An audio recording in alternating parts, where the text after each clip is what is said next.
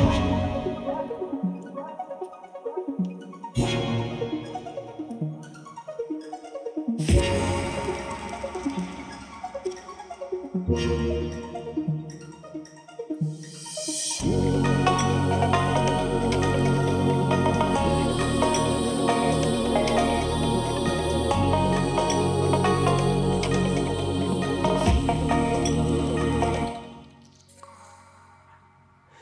Hej! Välkommen till dagens Hotspot. Vi har under de senaste veckorna talat med olika gäster om konservatismens framväxt som politisk idé. Hur ser konservatismen på omvärlden? Och finns det beröringspunkter mellan en biblisk världssyn och konservatismen? Idag kommer vi gästas av Ronny Berggren som är en konservativ poddare som har blivit känd genom sin eh, eh amerikanska nyhetsanalyser-podd och även blivit rikskänd genom att han kommenterat det amerikanska valet i massmedia de senaste veckorna och månaderna. Vi kommer att samtala om den politiska filosofi som växte fram under 1990-talet i Amerika som kallas för compassionate conservatism eller medkännande konservatism. Som vill adressera olika sociala problem och hur civilsamhälle kontra staten kan lösa dessa problem. Vi kommer också tala om hur det här relaterar till Sverige idag. Välkomna till dagens Hotspot. Hej Ronny! Hejsan! Välkommen till Hotspot. Tack så mycket. Jättekul att du är här. Eh, Ronny, kan du berätta lite grann om dig själv, eh, din uppväxt och så? Du kommer från Norrland vad jag förstår mm. och även kristen bakgrund. Mm. Ehm, jag kommer från Örnsköldsvik, eh, mm. en stad i Norrland och eh, jag har pingströrelsebakgrund, uppväxt i pingstkyrkan där. Mm. Och eh, det är väl min frikyrkliga bakgrund då. Sen har jag en akademisk bakgrund på Umeå universitet där jag pluggade ungefär tio år mellan slutet av 90-talet och ja, nästan början av 10-talet. Och jag läste då en magisterexamenspoäng till en magisterexamen i statsvetenskap och religionsämnen. Så att det är lite kort min akademiska mm. och frikyrkliga bakgrund. Kul! Mm. Men du är också väldigt politiskt intresserad? Eller hur? Eh, du driver en podd som heter Amerikanska nyhetsanalyser. Mm. Ja, det är en podcast och en blogg som jag har drivit sedan 2008. Den Just har varit det. väldigt aktiv. Jag skrev eh, mellan 2008 och 2016 så skrev jag 15 000 blogginlägg. Oh, så det är inte så lite. Wow. Och i podcasten så har jag gjort eh, nu över 1200 podcastavsnitt. Oj, oj, oj. Och hur många lyssnar på din podcast per gång ungefär nu? Eh, 1500-2000 lyssnare. Det är fantastiskt. Vad roligt. Du har också skrivit böcker. Mm. Två böcker. Ja. ja. Ja, precis. En om Donald Trump, det är min nya bok då. Donald Trump en synnerligen amerikansk president och ja. den handlar om, ja, om Trump inför det uppkommande presidentvalet den 3 november. Mm. Och sen så skrev jag för några år sedan en bok om min favoritpresident George W. Bush Just och det. det amerikanska presidentvalet år 2000. Just det, och vi har de böckerna här. Så att um, ser ut på det här sättet. Om George W. Bush och sen har vi den senaste boken om Donald Trump här också. Och den här har varit väldigt populär jag förstår. Den har sålt bra. Jag sålde ut hela första upplagan på tusen exemplar mm. på två veckor. Så wow. nu, har jag tryckt en ny med, med lika många. Fantastiskt, vad spännande. Mm. Eh, Får jag bara fråga dig Ron, du har ju specialiserat på Amerika. Vad gjorde dig så intresserad av amerikansk politik och politik överhuvudtaget kanske? Mm. Nej, men USA är ett viktigt land. Alltså, det är ett stort land som har mycket betydelse för hela världen och nästan alla som är intresserade av amerikansk politik, de ger det svaret. Eh, mitt svar är det i kombination med att jag har ju ändå en kyrklig bakgrund och jag noterade att i Sverige så finns det inte så många som engagerar sig kristna då, i politik. Det finns en del inom Kristdemokraterna och sådär, men inte som i USA, utan där är kristendomen levande i den politiska debatten. Mm. Och det gjorde lite grann att jag fastnade för amerikansk politik. Men då hade jag i slutet av gymnasiet, på slutet av 90-talet, väldigt mycket sådana här äh, svenska tankar. Amerikaner, hur kan de bära vapen? Hur kan de liksom för dödsstraff? Alltså sådana frågor som vi i Sverige inte är vana att brottas med riktigt. Och på den tiden så var det mycket med Monica Lewinsky, hennes skandal med Bill Clinton, presidenten då, som hade en otrohetsaffär med henne. Och eh, det vart mycket prat om USA i, på samhällskunskapslektionerna och så. Och eh, jag gick ut på internet, på olika internetforum. På den tiden så hette det Mirk, IRC, där man kunde chatta. Man kunde inte prata, men man kunde chatta med, med andra. Så att jag tog kontakt med amerikaner, republikaner där. Och de sa så här, nej, vi förstår att ni inte tänker så i Sverige, men här i USA så tänker vi lite annorlunda. Vi har våra författningsfäder. Vi har George Washington, vi har Thomas Jefferson och eh, vi har liksom en konstitution som säger vissa saker om hur ett samhälle ska vara uppbyggt. Och jag tänkte då som 19-åring, jätteintressant, vad är det här? Så jag började läsa författningsfäderna och Thomas Jefferson i synnerhet och jag insåg wow, vilken politisk filosof. Så att jag, jag fastnade för Thomas Jefferson. Ovanligt för, en, mm. ovanligt för en gymnasieelev att göra det. Ja, det finns ju de som fastnar för Marx och så också. Ja, men, men, ja, mm. ja, kul, kul. Eh, vad är det som gör då amerikansk konstitution så speciell? Eh, konstitutionen är speciell på så vis att det är ett dokument som fortfarande är levande för hur den amerikanska republiken ska vara uppbyggd. Mm. Jag menar Sverige, vi har inte så mycket relation idag till Gustav Vasa och till hur Sverige var för 400 år sedan, för 300 år sedan. Men USA har fortfarande en levande historia därför att den nation som grundades 1776 med självständighetsdeklarationen, det är fortfarande samma nation idag.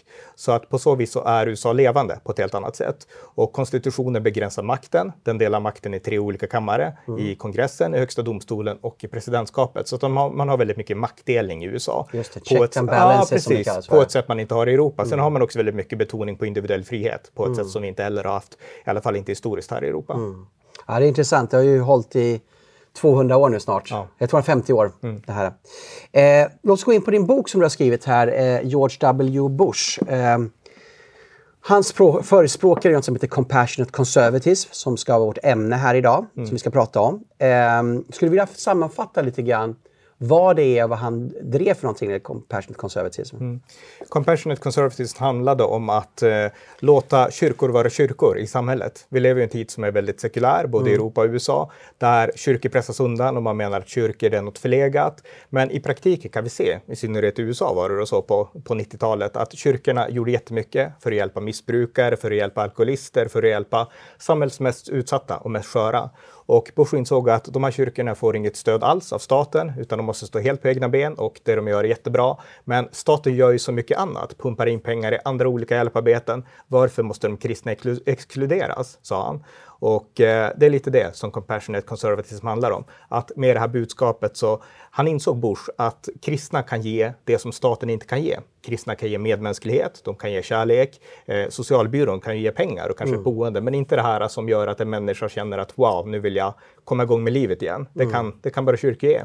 Och Bush sa att det borde vi som statsmakt erkänna. Även om vi inte är liksom en religiös statsmakt så måste vi erkänna att det här är bra. Mm. Att, och det här var väl redan stora politiska frågor som han drev i sitt linjetal när han eh, eh, deklarerade sin presidentkandidatur. Ja, så var det. Jättebra. Du kanske har, det finns ett citat från när han också eh, blir presidentkandidat. Mm. Där han, där han eh, beskriver det. Vi pratade om det innan i intervjun här. Mm. Kan du citera det? Så vore intressant. Och... Ja, det kan jag göra. Mm. Det här var ett tal då när Bush kandiderade inför valet år 2000 och han mm. pålyste sin kandidatur 1999 i Indianapolis. Och eh, talet heter A Duty of Hope och där skriver Bush så här då. Jag är ekonomiskt konservativ. Jag tror att vi ska sänka skatter för att stimulera tillväxt. Men jag vet att ekonomisk tillväxt inte löser alla problem. Eh, en växande tidvattenvåg lyfter många båtar, men inte alla. Den osynliga handen gör många mirakler, men kan inte beröra människors hjärtan.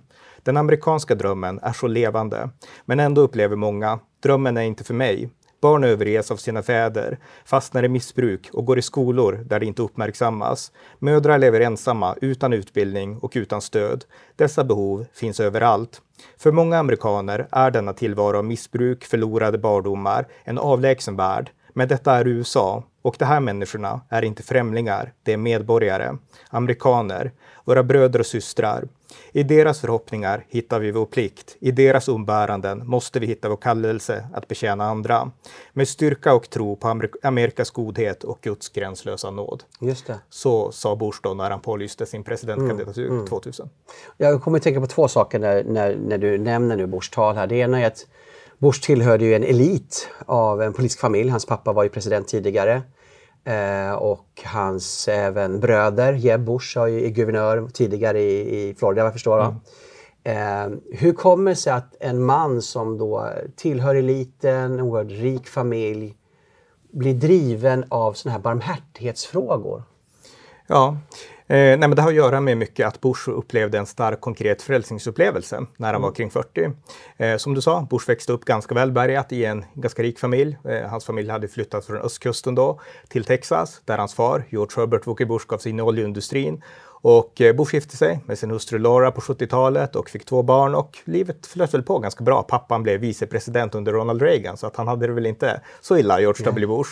Men ändå var det något som saknades i livet. Och eh, hans oljeföretag i Texas gick inte så bra. Det här var ju på 80-talet då, mitten av 80-talet och det vart en krasch, en ekonomisk nedgång för oljeföretagen och eh, alla som sysslade med oljebranschen fick det svårt. Eh, John Bon Jovi, den här artisten, han har en sång som handlar om det här som heter Dry County, heter den sången. Och den handlar om den kris som alla upplevde i Texas på 80-talet. Bush var en av dem och han sökte tröst i flaskan, som väldigt många gjorde där och då.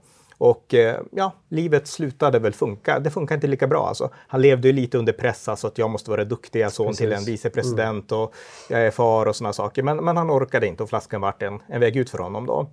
Eh, sen så hände det en sak. Han fick besöka sin far i Kennebunkport i Maine, där fadern hade ett sommarställe och han var då vicepresident. Och fadern hade bjudit in, in ingen mindre än Billy Graham, den här kända då, predikanten. Och Billy Graham tog en promenad tillsammans med George W. Bush där utanför och berättade för Bush att kristendomen, det, det handlar om mer. Jag vet att du är uppväxt som kristen och så, men kristendomen är mer än bara hjälp till självhjälp. Kristendomen innebär att du kan få en kraft utifrån som hjälper dig på insidan att komma igång med livet. Och Bush beskriver eh, i en av sina böcker att det här, var, det här mötet med Billy Graham, det sådde ett senapsfrö i hans hjärta som sen blommade ut och gjorde att tron vart mer levande. Så ett år senare, 1986, då slutade han dricka och mm. insåg att eh, nej, nu både vill och kan jag göra något annat med mitt liv. Så att det var egentligen starten för det som sen blev en politisk grej då, Compassionate Conservatism. Just det. Fantastiskt. Eh, men sen var han ju också, han såg en del kristna arbete som blev då imponerad av kopplat till hans egna missbruksproblem, till tidigare missbruksproblem. Mm. Ja, jag kan berätta lite om det. Det var ju mm. så här att när han hade blivit frälst så arbetade han först tillsammans med sin far i presidentkampanjen 1988. Då, arbetade ju, eller då ville ju George Herbert Walker Bush, då vicepresidenten, själv försöka bli president och efterträda Ronald Reagan. Och då arbetade Bush med evangelikala kristna för att ut till dem. Han kunde berätta sin livshistoria och berätta varför Republikanerna är ett parti för kristna även lokala. Eh, sen blev han själv guvernör 1994 i Texas. Och då var det så här att i Texas så fanns det ett missbruksbehandlingshem som hette Teen Challenge. Och det hade startats upp av den kände predikanten David Wilkerson. Just det, och den, bo den här boken, filmen Korsets stiletten är skriven av honom. Just det, känd bok, känd mm. bok i, i kyrkomiljöer. Precis. Ja, precis. Det stämmer. Och han hade den här äh, missbruksbehandlingshemmet då, Teen Challenge i mm. Texas. Och eh, Teen Challenge var utmanad av de delstatliga myndigheterna som tyckte att det här är, vi är skeptiska. För det är så här att USA, likt Västeuropa, har gått igenom en lång tid av sekularisering. Och då har det kommit in teorier då som har varit inne på att det här med socialarbete, det tillhör inte religionen utan det ska staten sköta. Så att myndigheterna varit skeptiska till Teen Challenge och menade att de hade en hel lista på anmärkningar att här är tapeten dålig och det är trasiga duschkabiner och liknande saker. Alltså väldigt perifera saker mm. som de gnällde på. Och de sa att nu stänger vi ner Teen Challenge. Och då var det väldigt många tidigare alkoholister och missbrukare som hade blivit frälsta som protesterade. De höll en stor demonstration i Alamo där de eh, tyckte att där vi vill ha kvar Teen Challenge. Det har räddat våra liv och vi vill inte att det ska läggas ner. Och man vädjade till Bush som då hade blivit guvernör. Och Bush tyckte att vad är viktigast, gardinerna eller att man räddar människors liv? Så att självklart ska Teen Challenge vara kvar. Så han räddade Teen Challenge och eh, Sen insåg han också att det här är ju, jag ska inte bara rädda Teen Challenge, utan det här ska vara en del av min politiska plattform. Vi måste acceptera som statsmakt och som, ja, i hans fall då som guvernör på den tiden, att kyrkor fyller en oerhört viktig roll för att hjälpa de mest hjälplösa. Mm. Och det blev starten för det som det. han gjorde sen. Just det. Och egentligen är det väldigt naturligt för kyrkorna att hjälpa, och gjort det alla tider sedan sen kyrkan föddes mm. har man ju hjälpt människor du har ju alltså, hospice, alltså det är hospitals var ju munkar som hjälpte sjuka. Mm. Missionen har man utbildat människor och så vidare. Så att kyrkan har ju alltid spelat en riktig roll i samhället. Men, men du menar alltså att även i ett, ett, land som USA där man, vi svenskar tänker är väldigt genomsyrat av kyrkan, mm. fanns ett motstånd mot att kyrkan skulle vara, vara en, en, en faktor i att hjälpa folk. Mm. Ja, men det är det som du säger, kyrkan har alltid betytt ja. överallt saker ja. och USA har betytt extra mycket för mm. USA har varit så starkt kristet samhälle. Eh, på 60-talet då kom presidenten Lyndon B Johnson in med det som kallas the Great Society, det stora samhället. Och tanken där det var att staten skulle ta ansvar på egentligen alla områden av medborgarnas liv. Och det fanns jättemycket gott i det här, alltså de som var fattiga lyftes från den djupaste fattigdomen. Men i den processen så kom också tankarna in att förr i världen så var det de här vidskepliga som pratade om att du ska bli frälst stå fri från alkoholism till exempel. Då vägen dit är frälsning. Nu vet vi att det är behandling. Så att i samma veva så började man skjuta ut. Det kom nya liksom, sociala teorier mm. så började trycka ut det här med att religion kan vara en hjälp. Så att det försvann. Så att det var lite så som det kunde föras ut och eh, Bush öppnade dörren för att religionen, kristendomen i synnerhet, skulle kunna göra comeback. Just det. Och jag har hört kritik också mot Lyndon Johnsons eh, program. Man började mycket med socialbidrag och man menade också att man permanentade människor i fattigdom mm. genom de här programmen så att staten blev större och tog över alltihopa. Mm, precis. Ja, eh, vi har ju i Sverige har vi ju Levi Petrus som eh, i väldigt mycket socialt arbete. Eh, vi har ju framförallt LP-stift som är ganska känd. Eh, jag tänkte läsa ett citat av Leo Petrus eh, från hans bok Sagolikt liv från 1971 som jag tycker speglar medkännande konservatism. Han säger så här. Under senare år har man från vissa politiska kretsar hävdat att de kristna inte bör blanda sig i socialvården utan att allt vad kristendomen heter borde rensas ut. De människor som faller undan för sådana åsikter har inte satt sig in i hur saker förhåller sig. Socialvården i världen är i stort sett en frukt av kristendomen. Var man än kommer i hednavärlden finner man att där inte kristendomen tränger in finns ingen sådan verksamhet. Det är först främst med missionen som sjuk och fattigvård kommer till stånd. Dessa företeelser är helt och hållet frukter av den kristna missionen. Därtill ger den kristna kärleken något av åt socialvården som inget annat kan ge. Om den fysiska hjälp som ges åt den behövande åtföljs av den vänlighet och barmhärtighet som en äkta frukt av levande kristendom får hjälpen dubbelt värde. Mm. Eh, jag tycker att det här är liksom, vi har ju haft eh, paralleller till då eh, konservatism naturligt i Sverige och vi hade också i England vet jag att eh, David Cameron, tror jag, mm. drev medkännande konservatism som en av sina stora frågor faktiskt mm. i sin, eh, sin kampanj. 2010. Var, mm. 2010, precis. Så det här, det här är inte bara en amerikansk företeelse. Nej, men det hade, det hade rötterna i USA, den här medkännande Ja. Och eh, idé som koncept, jag tänkte jag kan läsa ett citat från Bush, för det var så intressant att du läste ja. Levi Petrus. Ja. Eh, så här sa Bush då, i, han skrev så här i sin bok som han gav ut eh, 1999, A Church to Keep heter boken. Och det här var en bok som han använde för att pålysa sin presidentkandidatur. Då. Och eh, om ni håller Levi Petrus eh, citat i era tankar så läser jag nu Bush.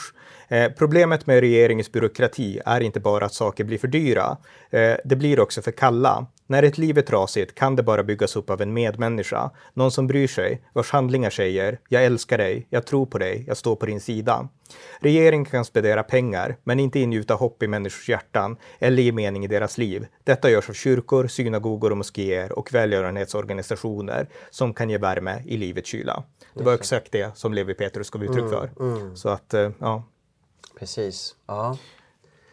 Um, och eh, Bush han drevs väldigt mycket av sin tro, eller hur? Eh, ja. Att den personliga tro var ju en drivkraft. I Sverige har vi den här bilden som vi har av alla konservativa eller republikanska presidenter, att de är elaka och de är dåliga och de är onda och så vidare. Men drivs av pengar. De drivs av mm. pengar och de drivs av de stora företagens intressen och så vidare. Att vi får ju sällan en, en riktig liksom, eh, nyanserad bild av de här presidenterna. Och för oss som då är kristna får vi samma bild. Vi tittar på SVT och de stora svenska nyhets eller tidningshusen och så. Mm. Eh, kan du berätta lite grann om George Bush tro och vad, hur det gick in i hans politik? Eh, nej men tron som sagt, alltså mm. när han upplevde den här frälsningsupplevelsen så vart den viktig för politiken. Mm. Men när han sen blev president då, det var ju 2001 när han mm. insågs i januari, så lanserade han lite andra program. Han försökte realisera det här med, med trosbaserade organisationer. Han startade ett kontor som hette Office for Faith-Based Initiatives som skulle handla om att staten skulle kunna skicka pengar till kyrkor och andra välgörenhetsorganisationer som hjälpte de svagaste. Så mm. det var en del av det hela. Eh, men sen spelade tron också roll i utrikespolitiken. Eh, det var så här att eh, på slutet av 90-talet så var hiv-aids fortfarande ett väldigt aktuellt ämne. Mm. Det hade varit det sedan 80-talet. Eh, och miljoner människor över hela världen dog, även i Sverige och Europa, men framförallt i tredje världen där det inte fanns någon form av vård. Så att väldigt många dog i den här fruktansvärda epidemin. Och eh, i mitten av 90-talet så började det dyka upp fungerande brom bromsmediciner. Det hade inte funnits tidigare. Men de var väldigt dyra och det var oftast bara rika och människor i väst som hade råd med dem. I Afrika hade man det inte. Samtidigt så gick Afrika igenom en stor befolkningsboom, väldigt snabb tillväxt. Och eh, det fanns alltså tankar på att Afrika kommer förlora en hel generation i hiv-aids därför att alla kommer dö som flugor i den här epidemin. Och George W. Bush, han hade varit i Afrika 1990 redan och han hade känt i sitt hjärta att det här, jag måste engagera mig för Afrika.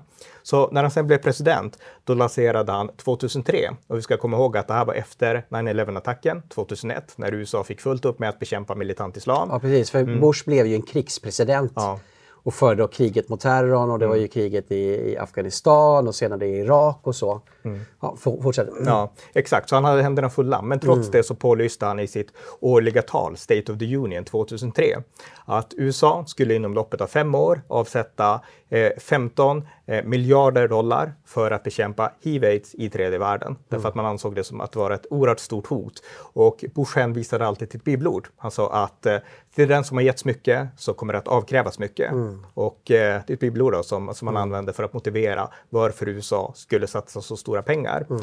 Så Pepfar har varit ett program. Där man Vad heter det? Sorry? Pepfar. Eh, Pepfar. och det, det, är en förkortning på ett namn ja. som jag inte kan uttala. P-E-P-F-A-R. President's Emergency Act eller okay, någonting. Men jag kan, jag kan, inte i huvudet. Men Pepfar kallas det. Mm. Pepfar.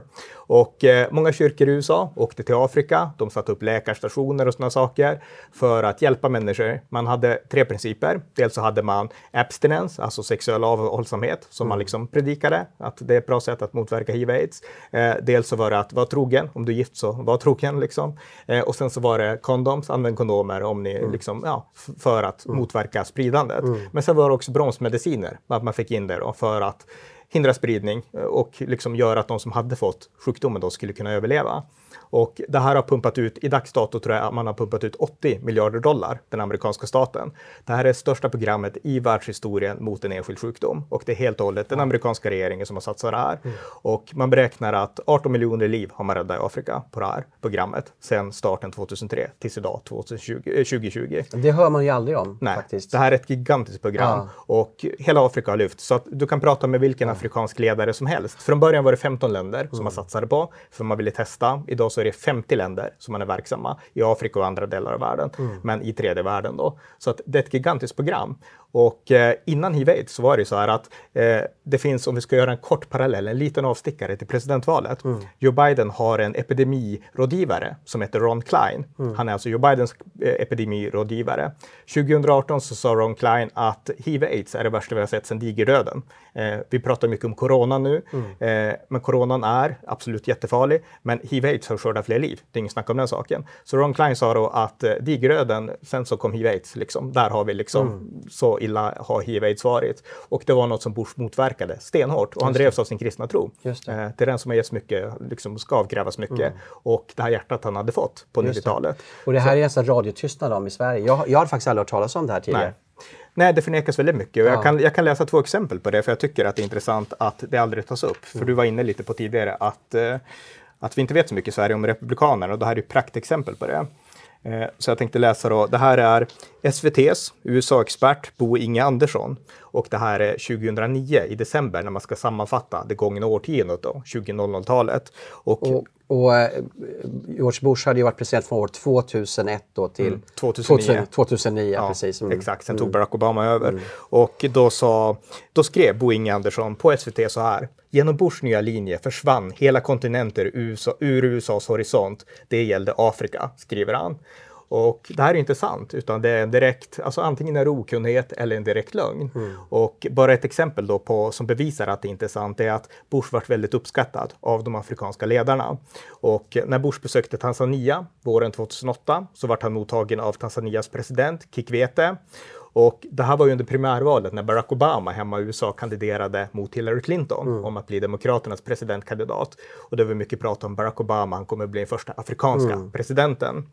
Så här nere i Afrika så fick eh, Tanzanias president Kikwete en fråga av en journalist vad han tyckte om Obama som den första afrikanska presidenten. Och Kikwete svarade då väldigt enkelt att ja, jag hoppas att denne Obama då kommer att bli en lika god vän till Afrika som president Bush har varit, mm. sa han. Det var hans svar.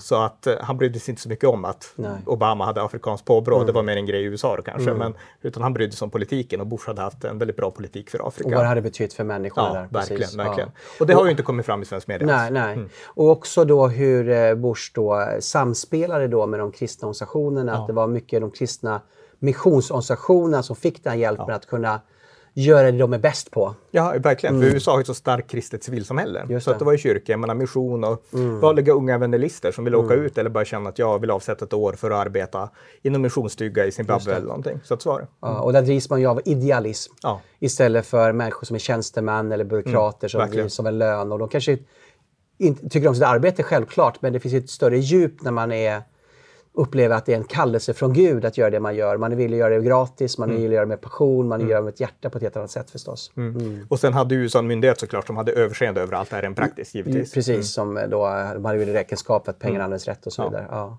fantastiskt.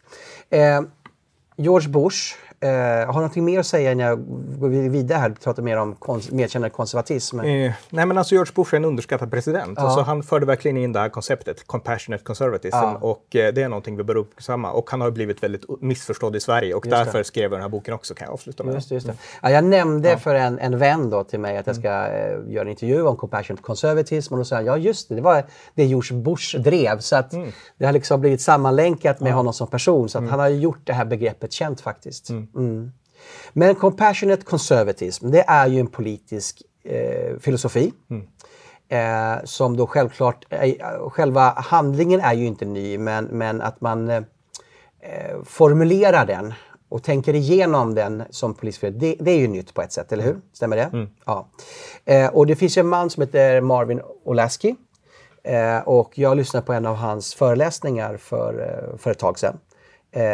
och jag tycker det var lite intressant de punkter han hade, va, som, hur, han, hur han sammanfattade eh, vad compassionate conservatism är för någonting.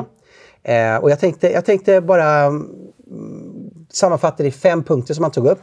Så jag, jag skulle bara kommentera det här. Eh, det första var att folk är fattiga av olika skäl. Eh, det kan vara strukturella orsaker, alltså dåliga skolor, avindustrierade områden eller rasism. Eh, och det andra är att personliga orsaker, alltså man är missbrukare, man har mental ohälsa, man kanske lever i offermentalitet eller ovilja att arbeta.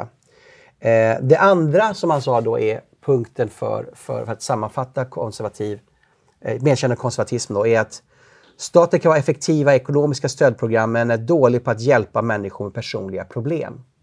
Eh, och det, det är så på grund av byråkrati. Och delvis på att personliga problem ibland beror på värderingar eller brist på värderingar. Och värderingar kommer från religionen. Och det tredje är att civilsamhället, i synnerhet kyrkorna, är mer effektiva att hjälpa människor ur fattigdom än regeringsprogram. Och det fjärde är att sociala program och bidrag kan hjälpa människor i lågkonjunktur men bidrar i långa loppet till att permanenta människor i fattigdom. Alltså man blir bidragsberoende istället. Och de statliga programmen är beroende av skattemedel och konkurrerar ut frivilligorganisationer. Eh, och det femte är att friorganisationer ska inte vara ekonomiskt beroende av anslag från staten därför att för det första, tjänstemän är inte bäst på att avgöra vad som fungerar eller inte fungerar. Och för andra då att de flesta och de bästa friorganisationer är religiösa och statlig inblandning medför ofta problem. Mm. Eh, tycker du att det är en bra eh, konklusion av vad medkände konservatism är för någonting. Det är en jättebra konklusion. Den som mm. uppfann det här begreppet, han hette Doug Weed och det mm. var på slutet av 70-talet som myntade begreppet compassionate conservatism. Han var en personlig vän till Bush. Sen kom Marvin Olasky in och skrev den här boken som, mm. som också handlar om, om ämnet som Bush har skrivit förordet till. Men det är en jättebra sammanfattning. Alltså, eh, den handlar om att, att liksom verkligen belysa trosrörelsernas roll för mm. att hjälpa människor i nöd. Just det. Mm. Ska vi kanske gå igenom de här punkterna mm. och, och, lite, lite kommentarer kring det. Eh, han talar första då att folk är fattiga av olika skäl. Eh, det kan finnas då eh, strukturella problem. Alltså det är avindustrialisering, det är dåliga skolor. Jag vet att i Amerika exempelvis nu så är det ju väldigt, väldigt dåliga resultat eh, för, i de svarta områdena. Det finns områden i Baltimore som exempelvis ingen elev som går ut sista året i grundskolan blir godkänd i matte exempelvis. Mm. Eh, vad, vad, kan man göra åt de strukturella problemen? Eh, nej men alltså trosrörelseorganisationerna, det är svårt att säga. Alltså, det ja. skiljer sig så mycket i Sverige och USA. Men i mm. USA så lanserade man ett mentorsprogram, det gjorde Bush också, för att hjälpa ungdomar som hade problem att få en personlig mentor. Jag vet inte hur mycket de kristna organisationerna var inblandade, mm. men de var säkert det. Och det handlade just om att du måste bli sedd som person, som enskilt barn, enskild mm. elev i ett utsatt område. Du kanske inte har föräldrar som kan liksom, ha möjlighet att hjälpa dig, du kanske inte har vänner. Och lärarna kanske har fullt upp, eller så är det mm. inte bra lärare, tyvärr alltså. Mm. Men Men då ska du få en mentor, någon person som är en blandning mellan att vara din vän och din lärare som ska kunna hjälpa dig att lyckas. Så att det var ett sätt man gjorde ja. så. Jag vet ju att kyrkor i Sverige har något som heter läxhjälp, att då ungdomar kan komma och få läxhjälp på olika sätt. Jag har en god vän som heter eh, han heter Leander Eriksson som driver Hoppets Stjärna och de har ju en sån här liknande läxhjälp för romer i Rumänien. Mm. Um, där romerna då får komma, de här barnen då i grundskolan, de får komma och för första får de duscha. Sen får de ett mål mat och sen får de läxhjälp. Och efter det här så har då 100% av alla eleverna har godkända, är godkända i alla ämnena. Mm. Och för det andra var, eh, vi träffade borgmästaren, jag var faktiskt med en gång då eh, och det var lokal eh, TV från Rumänien som var med på det här programbesöket. Då. då borgmästaren sa att det som chockerade mig mest, det var inte att de gick i skolan bara och att de blev godkända utan att de bästa eleverna i hela byn var romer nu. Mm, det. Så det här är ett väldigt bra ja. exempel på just medkännekonservatism, att man kan ha konservativa värderingar eh, men, men är också, har, en, har en känsla för människorna och kan liksom även eh, hjälpa de här strukturella problemen faktiskt. Mm. Mm. Ja, verkligen. verkligen. Eh, han eh, talar här punkt två då, att staten kan vara effektiv i ekonomiska stödprogram men är dåliga på att hjälpa människor med personliga problem. Eh, vad, vad, hur skulle du kommentera det kring det här kring byråkrati, kring socialtjänst kontra mm. eh, eh kristna då kanske LP-stiftelsen som också kan ge människor en personlig tro och, och hur den här personliga tron förvandlar människor att ta sig ur svårigheter. Mm. Nej, men skillnaden är det personliga mötet. Alltså mm. är du en myndighetsperson så har du mycket att förhålla dig till. Du kommer inte dit som en kompis utan mm. du kommer dit som en ämbetsman. Eh, kommer du från en kyrka då kommer du dit, du kanske är representant för en kyrka men du kommer dit som du. Det här är jag, det här är mitt namn. Jag vill vara din vän, kanske mm. inte din bästa vän men ett, ett, stöd i ditt liv ungefär. Mm. Så att det är den skillnaden och den kan göra O för väldigt många människor. Mm. Så att jag skulle säga att, ja så. Men vad, vad, är, eh, man upplever nästan en konkurrens mellan, mellan staten och, och frivilligorganisationer. Ehm, jag vet ju folk som går på socialhögskolor och så att eh, jag har ju sett materialet de undervisar och man lyfter upp den konservativa de kan göra för människor och sen de statliga programmen och så vinklar man väldigt starkt från föreläsarna man kanske ägnar 80-90 procent att tala om hur bra staten är på att lösa problem. Så 10 procent, ja men förbifarten, vi måste tala om det här. Va? Och så kanske man ger en negativ kommentar. Så det är väldigt mycket att man förespråkar att staten ska lösa de här problemen. Eh, hur, var kommer den här tanken ifrån att att man ska trycka undan religionen ifrån samhället. Mm. Eh, jag menar att man, ska, att man inte ska förbjuda kyrkor, men att, att kyrkorna är en del av samhällsbyggandet. Mm. Nej, men det kommer, alltså i Europa kommer den från socialismen i mångt och mycket. Alltså under början av 1900-talet när det var övergången från bonde till industrisamhälle. Då kom det mycket ny fattigdom. Mm. Det fanns mycket nya problem med städer, med prostitution och med liksom misär på ett helt annat sätt. Och det behövdes ny, nya former av hjälpinsatser. Det var inte så att man levde i den lilla byn längre. Nej. Och då kom det här med statlig hjälp. Och socialisterna ansåg att det här är det moderna, kyrkorna, det är liksom, de vill bara pracka på religion, så att mm. det, det ska vi hålla oss ifrån. Så att i Sverige var det ju den debatten. Du citerade Levi Petrus tidigare. Mm. Han var en del av den debatten på tidigt 1900-tal mm. där han då försvarade kyrkornas roll. Då. Eh, I USA så kom det lite senare. Det kom på 60-talet med det jag nämnde, Lyndon B. Johnsons Great Society. Och då kom teorierna in som handlar om mm. att förr i världen i USA, för USA är ändå ett väldigt kristet land, då sa man bara är du alkoholist så kan du bli frälst och sen är det bra. Och eh, vi, vi ja, nu vet vi att det där är ju bara hokus pokus. Mm. Utan du behöver vara med i ett behandlingsprogram, du behöver liksom ha en metod som bygger på vetenskap och eh, det här religiösa som vi använt förut, det ska vi pusha ut. Mm. Så att de här idéerna, de här nya vetenskapliga idéerna, då, de kommer på 60-talet.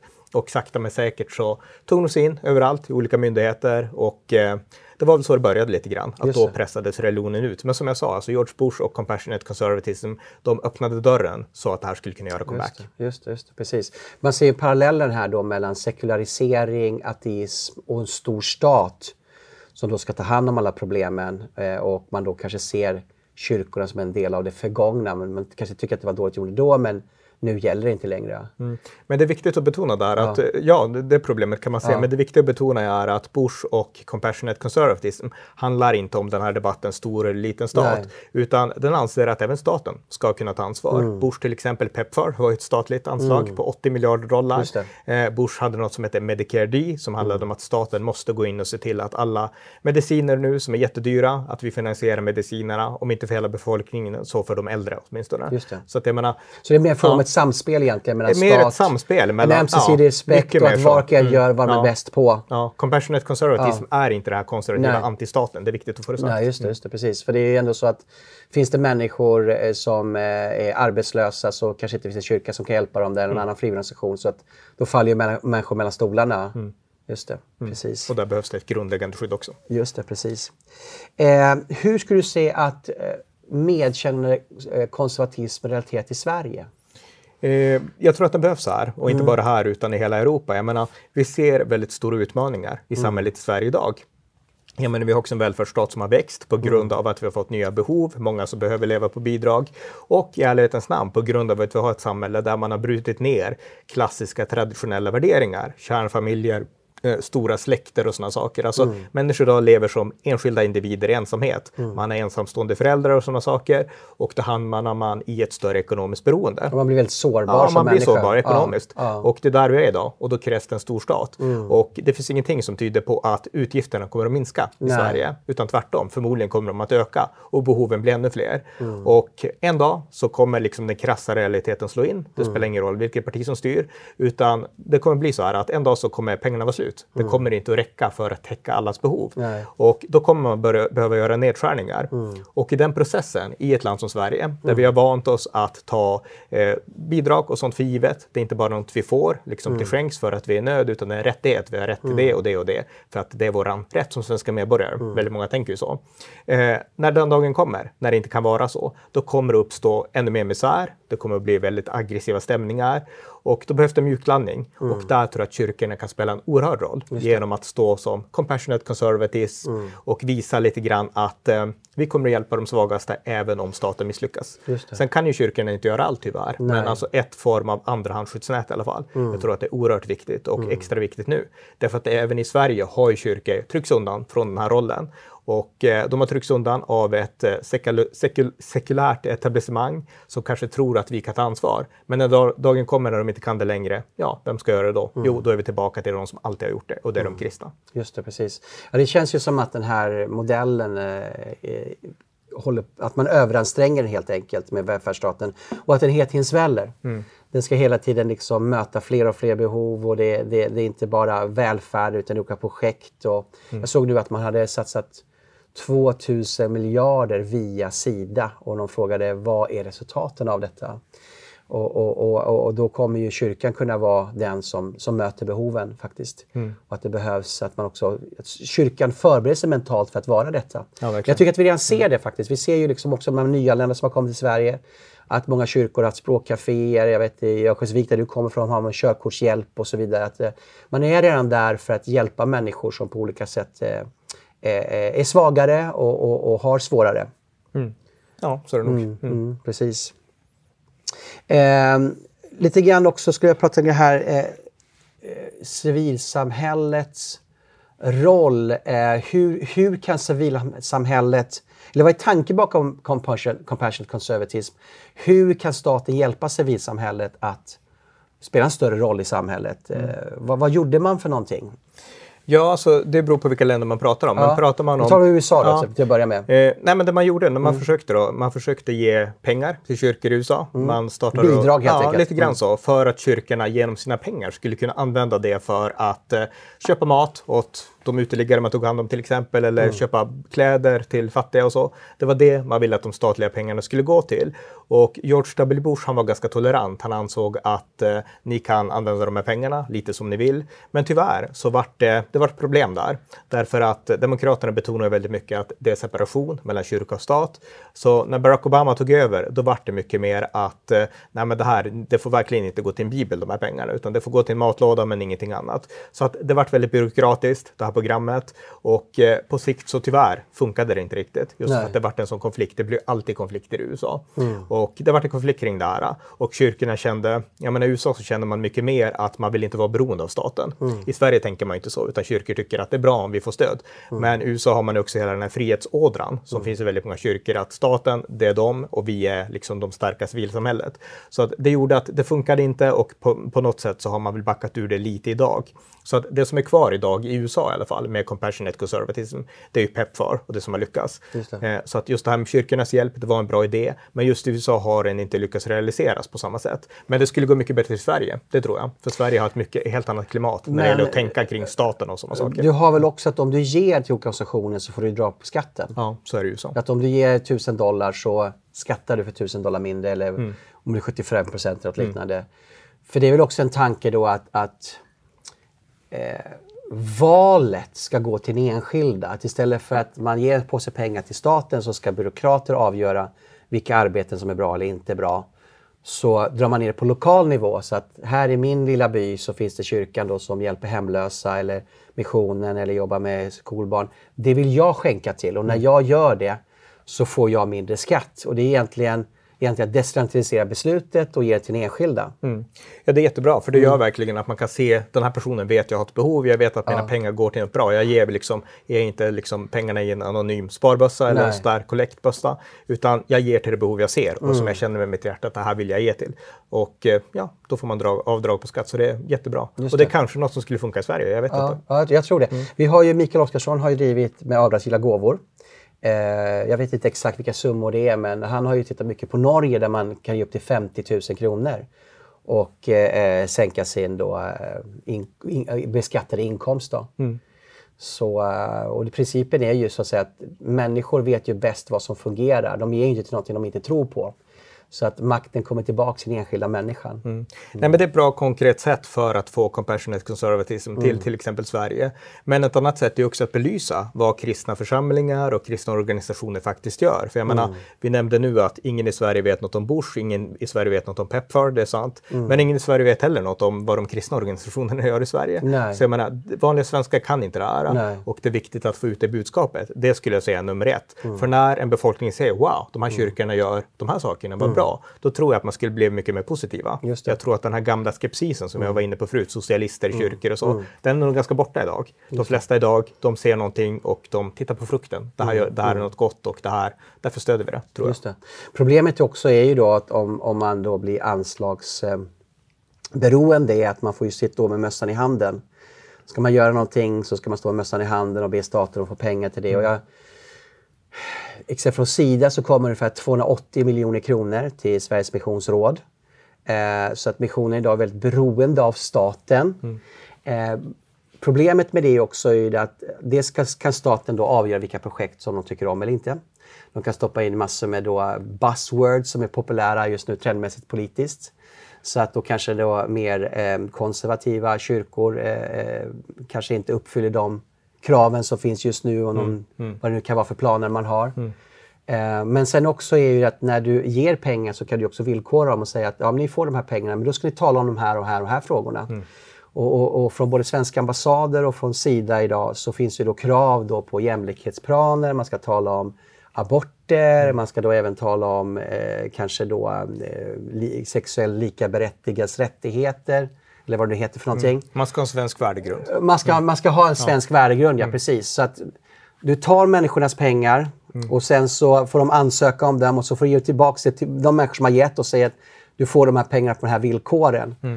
Eh, det, det är liksom jag tycker att det kan vara liksom ett ganska orättfärdigt sätt att faktiskt driva eh, hur civilsamhället ska engagera sig. Ja, och det var ju det problemet man fick i USA. Mm. Och det gällde ju inte bara då under Bush tid utan även när Obama drev igenom sin sjukvårdsreform, mm. Obamacare som det kallas i folkmun. Då fanns det krav på religiösa organisationer att för att få del av det här helt och hållet, till exempel katolska organisationer, så måste ni finansiera preventivmedel.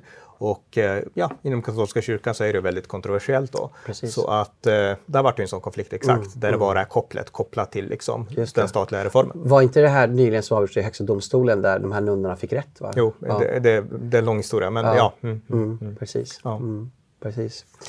Ja. Vad, eh, vad tror du Ronny mer? Det var ju också det här att eh, det, det skulle ske form av avregleringar också, så var, var en del av tankarna kring eh, medkännande konservatism i USA. Att, att man skulle lätta reglerna också, förutom då eh, de här avdragsgilla gåvor. Mm. Jo, men det fanns väl en avreglering på många olika plan för ja. kyrkor och sådana saker. Så det, det tror jag. Mm. Och eh, jag menar, det här är ett USA har ett civilsamhälle där religionen är en naturlig del. Så det var inte Bush som förde in allt, utan mycket Nej. fanns ju, även om just hans idé, compassionate conservatism, kanske mm. inte har funkat med faith-based eh, liksom kontor och sådana saker. Mm. Så idén, det starka kristna civilsamhället, det finns fortfarande kvar i USA mm. och det lever på ett annat sätt än i Sverige. Mm. Det här har ju rötter som går tillbaka till 1800-talet och, och sådana saker och till de tidiga väckelserörelserna mm. och de är fortfarande levande i USA. Mm. Så att eh, ja, visst, man kanske avreglerat så att kyrkor i allmänhet kan, kan fortsätta verka på de här sätten. Det, mm. det kan man ha gjort, ja. Eh, du är ju specialist på USA då förstås. Eh, är det någonting mer i, i, eh, i Sverige som du har sett folk driva frågor kring medkännande konservatism? Finns det politiker som driver de här frågorna? Finns det eh, tankesmedjor eller böcker? Nej, det finns för få av dem i alla fall. Jag mm. tror man vill ju driva hjälparbetet, det vill nog alla kristna tror jag. Mm. Eh, men hur man ska koppla det till politik och så, vi är inte vana att tänka så i Sverige, utan vi är vana att staten ska ta hand om allt egentligen. Och kyrkor, de ska få bidragsstöd och sådana saker och jag tycker att det är bra så länge det finns, men man måste ändå börja tänka lite mer i dess helhet. En dag så kommer pengarna ta slut och då måste, då måste kyrkor finnas där. Det var mm. inne på lite grann och kunna liksom backa upp mm. när samhället blir svagare. Det tror jag är kyrkornas mm. uppgift. Mm. Och då är det bra om man inte är beroende av staten i en ja, sån situation, för det kommer inte funka. Utan då är det bra om man bygger upp ett starkt kontakt med näringsliv, med mm. företagsamhet, kristna mm. företagare och eh, allt som behövs för att få pengarna i rullning. För Precis. att sen kunna använda pengarna för att hjälpa de svagaste. Mm. Det, tror jag. Det, det, är ju så intressant att du nämner det här, för jag själv jobbar just med de här frågorna. Ja, eh, driver ju något som heter Focus Business School. Eh, där vi eh, då vi var missionärer i eh, Burma i fem år. Vi såg hur fattiga människor var både i kyrkan och utanför kyrkan. Och vi såg hur mycket, mycket arbetslöshet fanns. Jag tror att 50 procents arbetslöshet i landet överlag och i kyrkorna var det 80-90 procent. Mm. Och då började vi hjälpa folk att starta företag. Eh, de kunde försörja sig själva. En del började anställa folk. Och sen kom vi tillbaka till Sverige.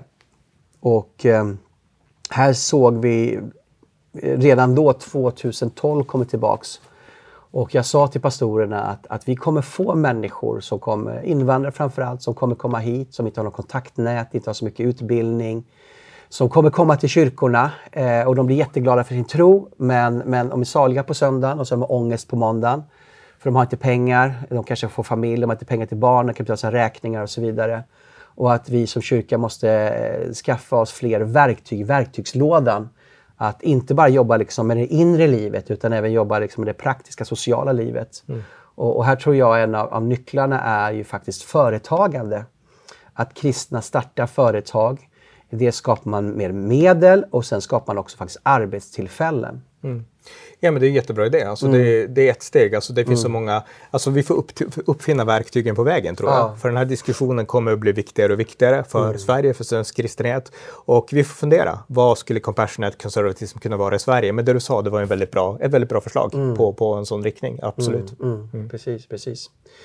Och vi har ju många kristna också som är idag i äldrevården och, och de jobbar som sagt med skolor, kristna mm. skolor och så vidare. Så det, man ser ju ändå att i Sverige så har vi en, en kyrka som har på något sätt börjat försöka möta de här sociala behoven och engagera sig. Mm. Tidigare gjorde vi på missionsfältet. Ja. Nu börjar vi göra det i Sverige. Så att på mm. något sätt så är kyrkan alltid hamnar på fötter någonstans. Mm.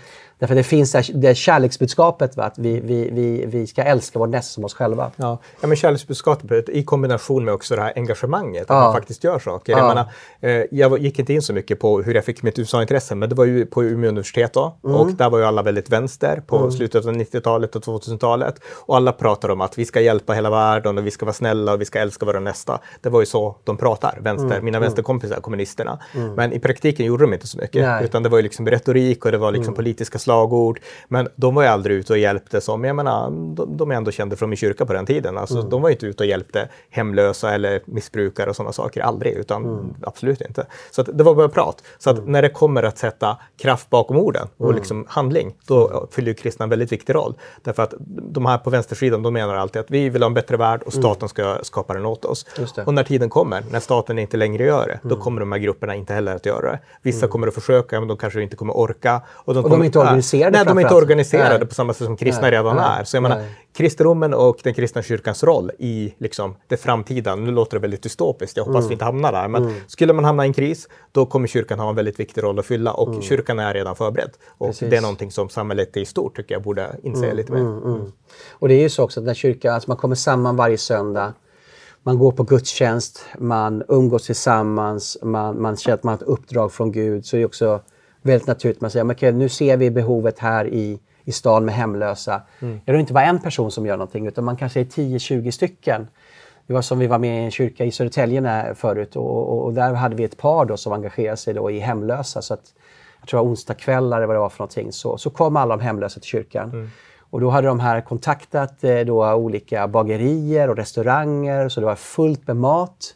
Och de fick äta sig mätta varje onsdag och så fick de kläder och, och, och, och de liksom mötte alla de här behoven. Va? Mm. Och, och det här paret blev just utsedda till då Södertäljes det, årets personer, årets hjältar och mm, liknande. Va? Mm, mm. Men, men det var så naturligt och folk från andra från kyrkan som kanske aldrig skulle ha eh, engagerat sig. Engagerat sig för att man möttes på söndag förmiddag och så berättar någon om jag skulle, skulle du kunna tänka dig hjälpa till? Ja, men det är klart jag, liksom, jag gör det. Du är min vän liksom och, och, man känner lite grann för det. Så det är så lätt att uppbåda engagemang mm. som inte har någonting med pengar att göra ut, utan har det här, det här mänskliga hjärtat, det här mänskliga engagemanget. Om man inte har en krona så kan man alltid liksom göra någonting för någon. Va? Mm. Verkligen. verkligen. Så, att, Nej, men så är det. Och det är mm. jättebra och jätteviktigt. Mm. Och som sagt, det är en del av, av det här temat vi har pratat om. Just det, mm. just det. Jag tänkte faktiskt på eh, en annan person och det är Margaret Thatcher. Mm. Hon var ju väldigt mycket för fri, eh, den fria marknaden. Eh, hon eh, var ju mycket emot fackens makt och knäckte alla de här, de här strejkerna som var. Och England lyfte ju ekonomiskt väldigt starkt efter mm. Margaret Thatcher. Hon är ju, precis som Ronald Reagan var ju en av de stora då på, ja. på, på 90-talet. Eh, på slutet av sin politik så var hon väldigt missnöjd därför att hon tänkte att den här, den här uh, ekonomin hon hade skapat, hon hade, väldigt många hade blivit rika i England. Det fanns liksom ingen, uh, att det sipprade inte ner, trickle down som man säger. Mm. Så hon ägnade väldigt mycket av sin tid på slutet att åka runt i kyrkorna och tala om, om medkänsla, att dela med sig. Så det var så intressant liksom när, när här uh, politiska eh, redskapen, ideologierna man gör det man, och, och, och, hur mycket du än skapar så kan du ändå inte skapa hjärtat. Nej. Och hon visste var den fanns hon åkte till kyrkorna, talade i kyrkorna. Vet hon, hon var ju dotter till en pastor också. Hon var dotter till en mm, pastor mm, också. Va? Så att, så att eh, det, här, det här är kyrkans roll och att vi verkligen mm. har en, en, fantastisk kallelse att vara, att vara med och skapa en värme i en nation faktiskt. Så är det, men sen är det inte bara kyrka utan vi, vi kan börja avrunda med att säga att det här är ju liksom compassionate conservatism innehåller två ben politiskt. Det. det. är mm. compassion och det är conservatism. Mm. Och conservatism handlar om att det stora ramverket ska fungera. Och det, var, det, var är det? Det stora ramverket mm. är att man har en marknadsekonomi som mm. funkar där ekonomin går runt. Mm. Alltså där man har ett samhälle som ja, i grund och botten inte är socialistiskt. I USA mm. är det ju så. Utan för att samhället ska funka så måste man ha en stark marknadsekonomi och man måste ha liksom hellre fler som arbetar än som lever på bidrag. Det är ju så i USA ändå. Mm. Sen det här compassionate, det kommer in för att liksom fylla luckorna. Som mm. Margaret Thatcher var ett bra exempel. Det. Liksom det här, alla kan inte arbeta, det vet Nej. vi. Liksom. Ja, vissa är svaga, vissa är sjuka, vissa mm. psykiskt sjuka. Alltså det finns så ja. mycket. Och de måste vi ta hand om. Och där kommer compassion in. Just Men det. vi måste ha ett samhälle som är byggt kring de stora mm. fungerande strukturerna. Vi måste ha ett det, låter väldigt, alltså, det låter väldigt mm. kompletterande. För att man tänker ju mm. ofta så här de som har känsla för människor, det är ja. vänstern. Alltså de, mm. de, känner för svaga grupper, ja. de är barmhärtiga och så vidare. Men det här är, det här är ju liksom mer en, en, hel, en hel, helhetlig politisk filosofi. Ja, man kan säga så här, compassionate conservatism, ja. vad, vad, vad det har gjort är att det har, tagit, det har tagit sig an vänsterns frågor. Just vänsterns det. klassiska frågor, fattigdom och liknande saker. Mm. Men utifrån en konservativ utgångspunkt. Det är väl så man kan sammanfatta compassionate conservatism. Så att eh, liksom, vi har inte retirerat, alla som är konservativa. Vi bryr oss också om de fattiga och de mm. svaga, mm. men vi mm. gör det med en konservativ utgångspunkt utan att kompromissa med de här stora helhetsperspektiven som också måste fungera. Mm. Så skulle jag säga. Mm. Compassionate conservatism, är det någonting som eh, tror du eh, kommer att växa fram inom det borgerliga blocket? Jag tror att det kommer bli nödvändigt i takt med... Vilka kommer driva ja. de frågorna? Eh, nej, men det vet jag inte. Men KD är ju en väldigt naturlig, alltså mm. alltså Kristdemokraterna ute i mm. Europa tror jag, de har också använt det här begreppet compassionate conservatism. Så det är det naturliga partiet. Mm. Därför att Kristdemokraterna har tidigare bedrivit medkännande utifrån en lite mer arbetarsocialistisk bakgrund. Det. det. var ju ändå så på 60-talet mm. framåt under KDS och så. Eh, nu gör man det från och med borgerlig liksom, ståndpunkt. Och eh, då kan man få in compassion på ett mycket mer naturligt sätt. Compassionate mm. conservatism. Så kristdemokratin idag har en väldigt stor möjlighet att driva det. Mm. Inte bara de, men jag tror att de i Sverige tror jag är väldigt unika. I, de främsta? Ja, jag tror det. Mm. I just den här frågan. Därför att man betonar visserligen de stora strukturerna också, mm. men det här hjärtat för de utsatta, de svagaste, mm. finns ju ändå där i grunden också. Just att, mm.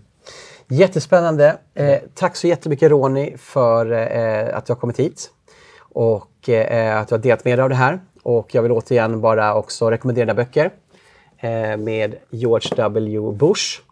Där får du läsa mer om medkännande konservatism och din bok Donald Trump. En synnerligen amerikansk president. Innan vi slutar, kan du bara förklara vad du menar med synnerligen amerikansk president. Den, den, är liksom intriguing som man säger på engelska. vad, vad, betyder det? Jag blir nyfiken. Ja. ja. men det betyder att Donald Trump är inte svensk statsminister utan han är president och ledare för ett land med helt andra grundvalar mm. än Europa än Sverige. Så att det är det jag menar med att vi kan tycka vad konstig han är. Varför mm. är han mm. det? Jo, men det beror på att han är en amerikansk president och inte svensk statsminister. Just det. Jättebra. Tack så mycket Ronny Berggren. Tackar. Och vi hoppas vi syns igen. Och lycka till med dina, ditt arbete med amerikanska nyhetsanalyser och dina bloggar och allt vad du gör för någonting författarskap. Tack så mycket. Tack så jättemycket Jack.